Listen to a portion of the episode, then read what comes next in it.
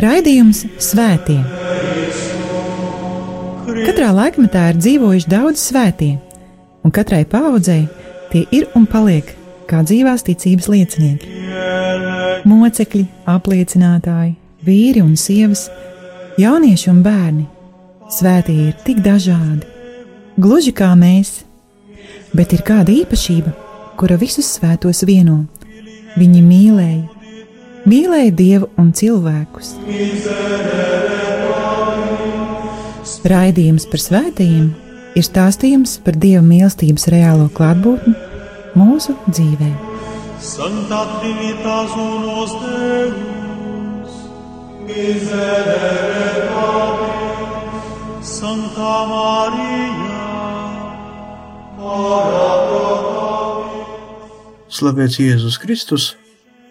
Mīļie radio Marija klausītāji, ēterā atkal skan raidījums par svētajiem un pie mikrofona mēs priesteris Vērčeslavs. Šajā pusstundā, turpinot mūsu tikšanās ar debesu valstības iemītniekiem, nolēmu pastāstīt par trim baznīcas bērniem, kuri pavisam nesen tika iecelti altara godā. 2018. gada 1. septembrī tika beatificēta, jeb iecelta svētīgo kārtā Slovākijas baznīcas meita Anna Koļesarova. Bet šogad pirms četrām dienām svētīgo kārtā tika iecelts priesteris Donicetti Tavares no Limas. Bet 9. oktobrī svētīgo kārtā tika iecelta Marija Emīlija Rikvēlme, māsa, kura nodibināja visvētākā sakramenta un bezvainīgās Marijas māsu misionāru kongregāciju. Par šiem svētīgajiem tātad arī stāstīšu šajā raidījumā.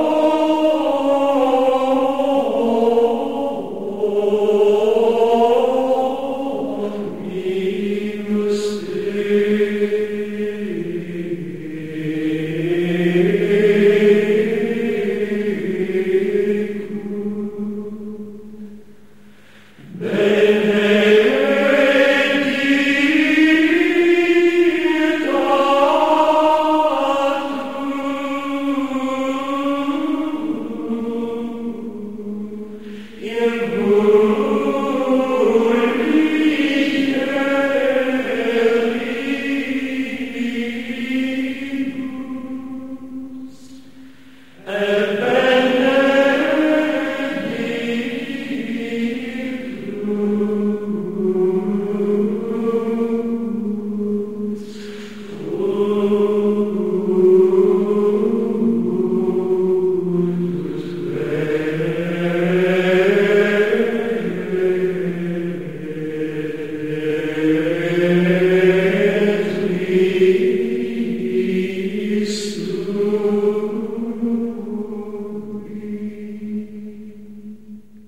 Svētīgā Anna Koļasarova, Slovākiete.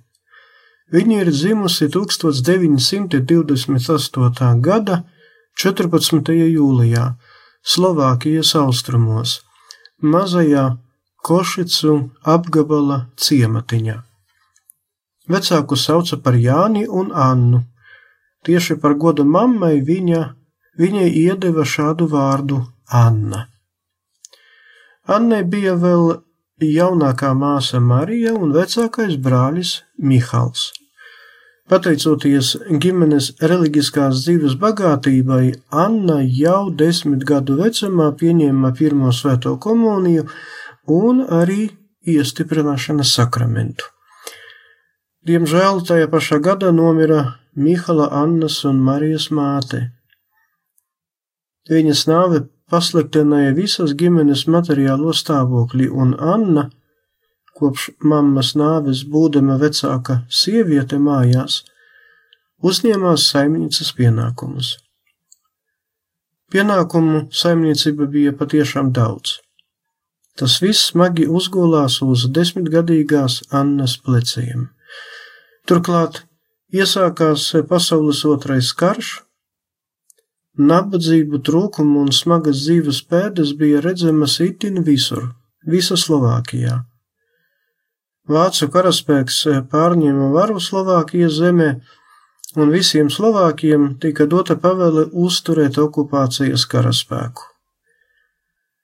Anna, pildot visus savus pienākumus mājās, rūpējoties par jaunāko māsiņu, un arī paspējot vēl kaut cik apmeklēt stundas vietējā skoliņā, atrada vienmēr laiku, lai lūgtos rožu kroņi.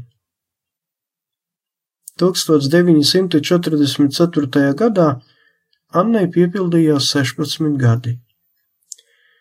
Tā pašā gada 22. novembrī viņas dzimtajā ciematā ienāca padomju karaspēks laiku pa laikam cīnoties ar vāciešiem, kuri lēni atkāpās no frontes līnijas.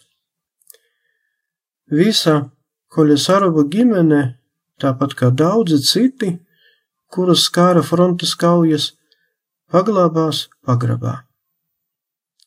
Pagāja vairākas stundas, kaujas šāvieni un troksnis apklusa, un vācieši bija no ciemata padzīti, bet ienāca Padomju karaspēks ieņēmis ciematu, sāka pārmeklēt mājas, meklējot gan vāciešus, kuri varēja paslēpties, gan lai laupītu vietējos iedzīvotājus.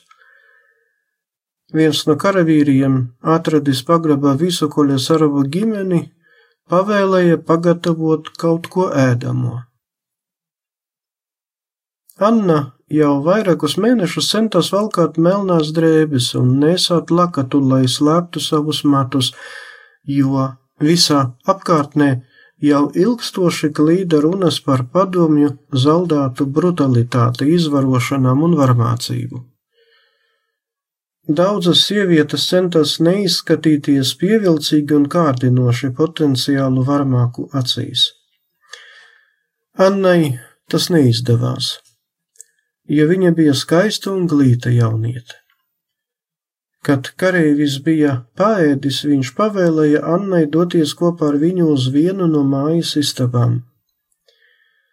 Kaut arī Anna bija nobijusies, viņa drosmīgi atteica: Ja tu neiesi ar mani, es tevi nošaušu, kliedza zaldāts. Annas tēvs mēģināja aizstāvēt savu meitu, Anna atteicās paklausīt otru reizi. Sarkanarmietis ļāva Annai atvadīties no tēva. Tēvs un meita viens otram apzīmēja pieri ar svētā krusta zīmi, un pēc tam turpat uz vietas tēva acu priekšā zaldāts Annu nošāva, un tad mierīgi izgāja no mājām. Kas bija šīs sarkanarmietis? Nav zināms līdz pat šai dienai. Nākamajā dienā, tas ir 23. novembrī, klus, klusi un pieticīgi Annu apbedīja vietējā kapsētā. Toreizējās Čehoslovākijas komunistiskās partijas vietējā komiteja, saņemot ziņas par Annu slepkavību, neļāva bērēs piedalīties priesterim neļāva pat dziedāt bēru psalmus un dziesmas, jo baidījās no pretpadomju varas vērstajiem manifestācijām. Vienīgais, ko nebija gaidījuši, ir tas, ka uz Annas bērēm sapulcējās tūkstošiem ļaužu gan no pašu sāģes, gan no apkārtējiem ciematiem. Un tas ir neraugoties uz to, ka frontes līnija un kaujas vēl joprojām bija tuvu.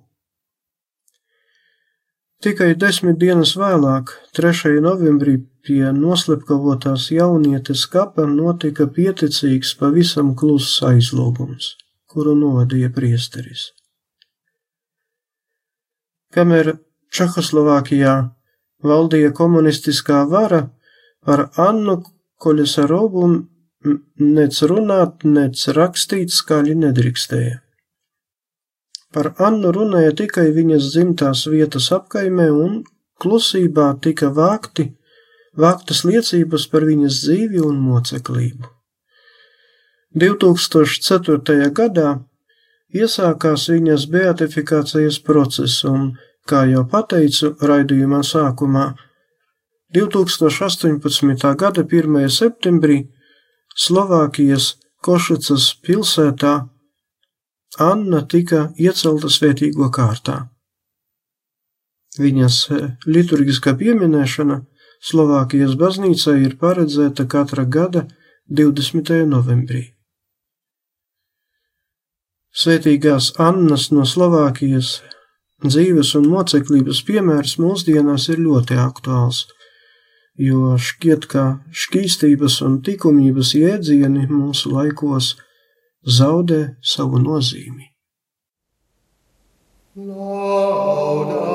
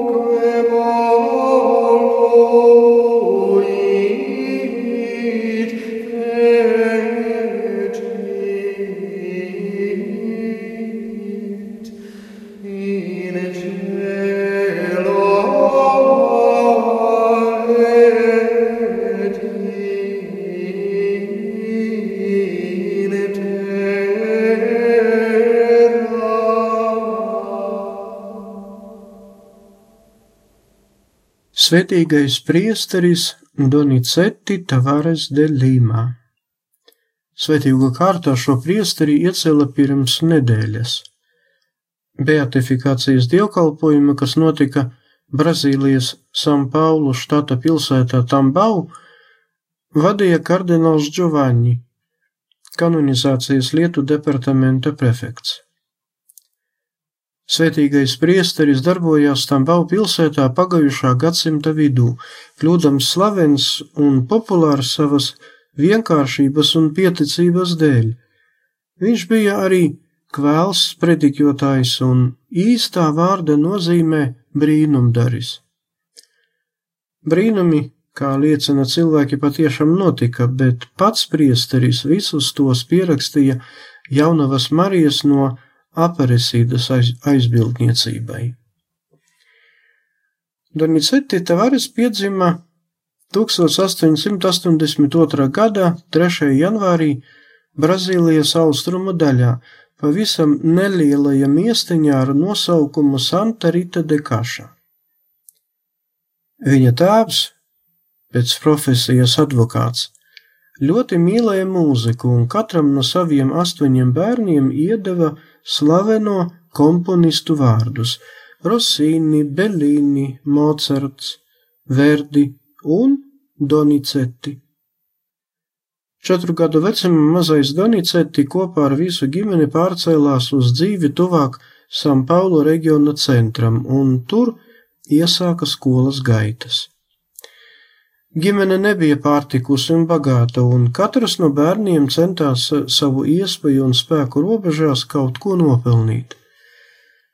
Tā 1894. gadā Donizetti sāk mācīties mūziku un pēc kāda laika kļuva par vietējas draudzes baznīcas ērgilnieku.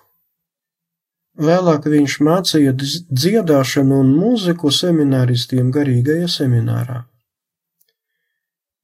Uzsācis sagatavošanās priesterībai 1900. gadā, viņš sāka studēt filoz, filozofiju un teoloģiju.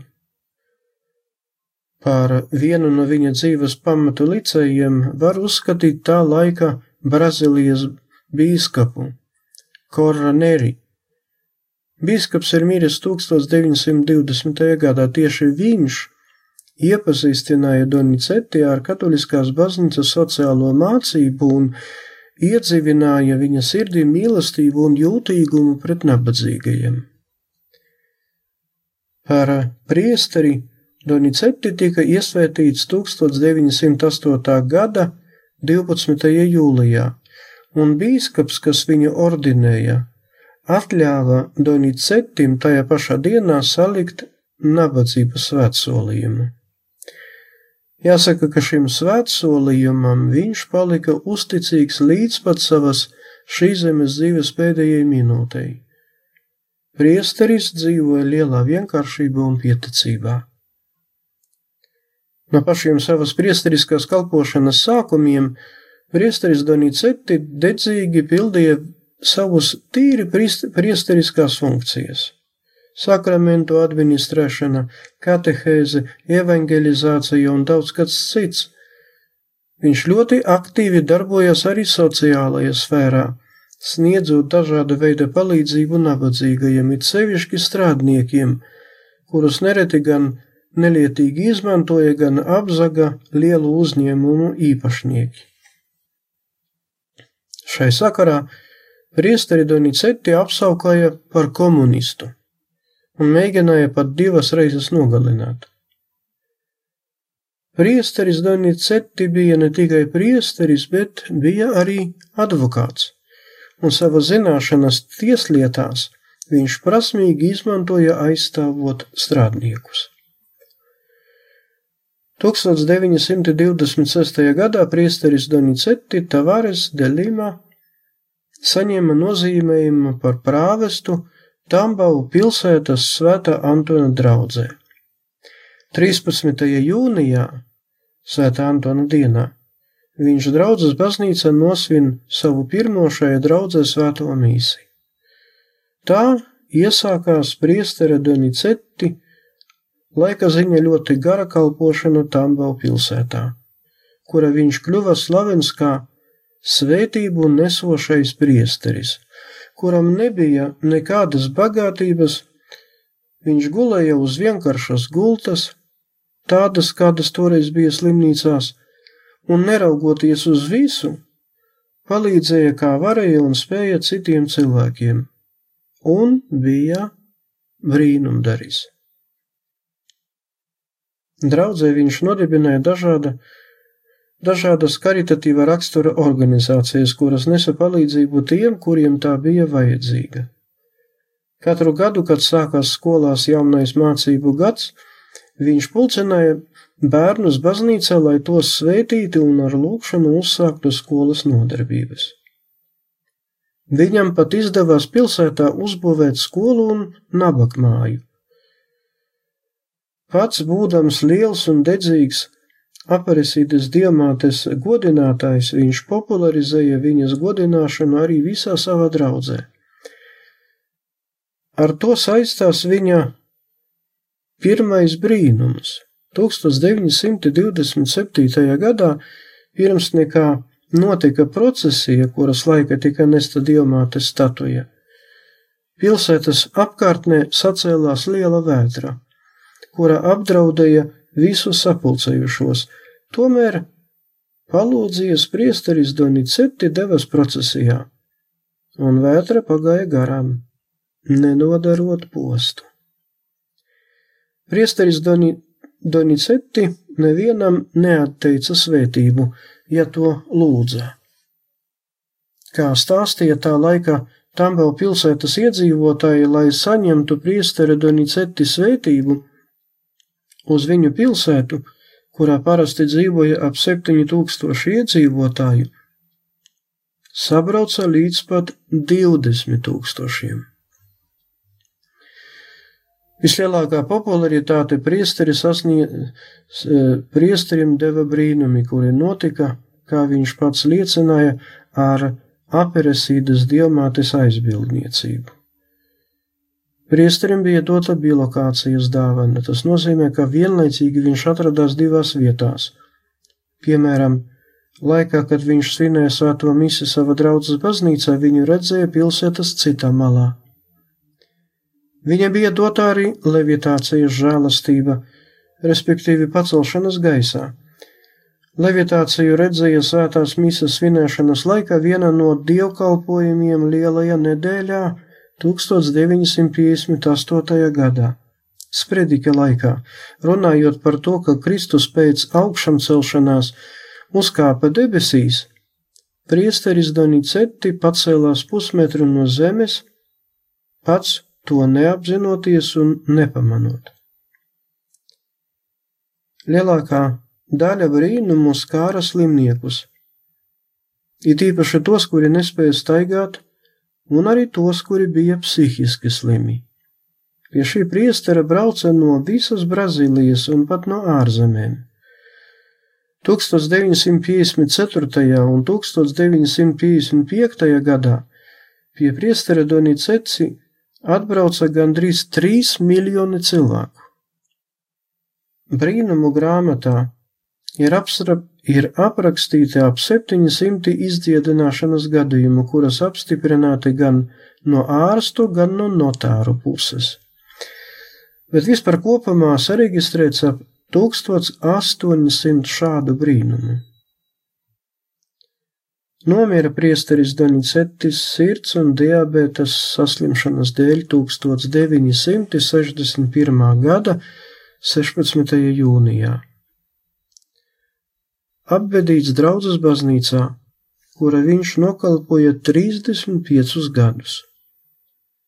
1999. gadā iesākās priestera Doniceti beatifikācijas process, kas arī pabeidzās ar šī gada 6. aprīli, dienu, kurā pāvis Francisks apstiprināja pirmo brīnumu, kas notika šī svētīgā priestera aizbildniecības dēļ.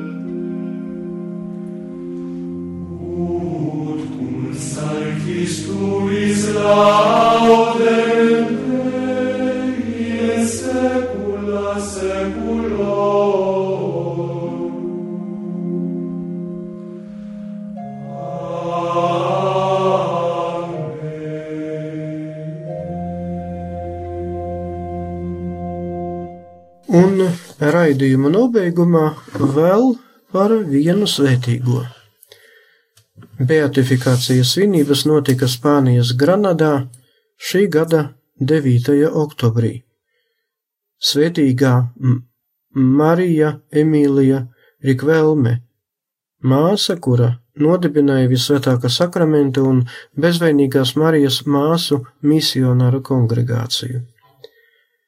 Šī svētīgā ir dzimusi Granadā 1847. gadā 5. augustā. Septiņu gadu vecumā viņa pazaudēja māti.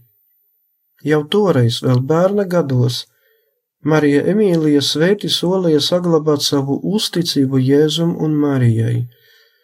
Šo savu privāto svētsolījumu viņa apstiprināja un atjaunoja arī jaunības gados.